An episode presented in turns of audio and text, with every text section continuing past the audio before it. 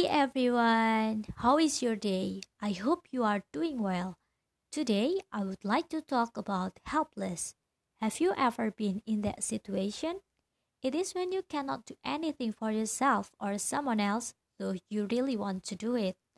Or perhaps you have ever met one who are helpless and you start to wonder, how can it happen? People who are marginalized usually feel helpless they are often being an exclusion due to their condition or background. Let's say there is a person who infected by the COVID-19 virus. He or she cannot go anywhere to buy the food or any supplies. He or she need to do some activity out there to survive. But no, he or she must stay at home, right? Thus, the helplessness comes.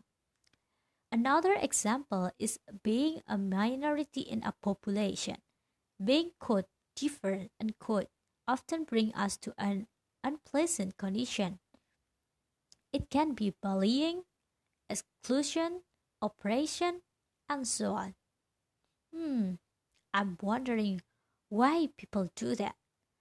What do you think about that? As a human being, we should help each other, shouldn't we?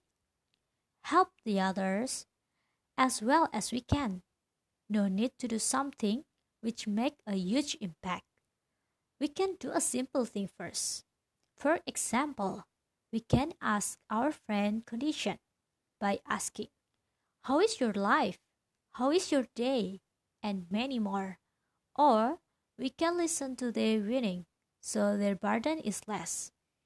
In my opinion, we don't need to be quote rich unquote to start giving to the other.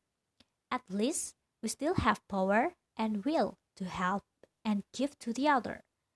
It will grow our heart and empathy for sure.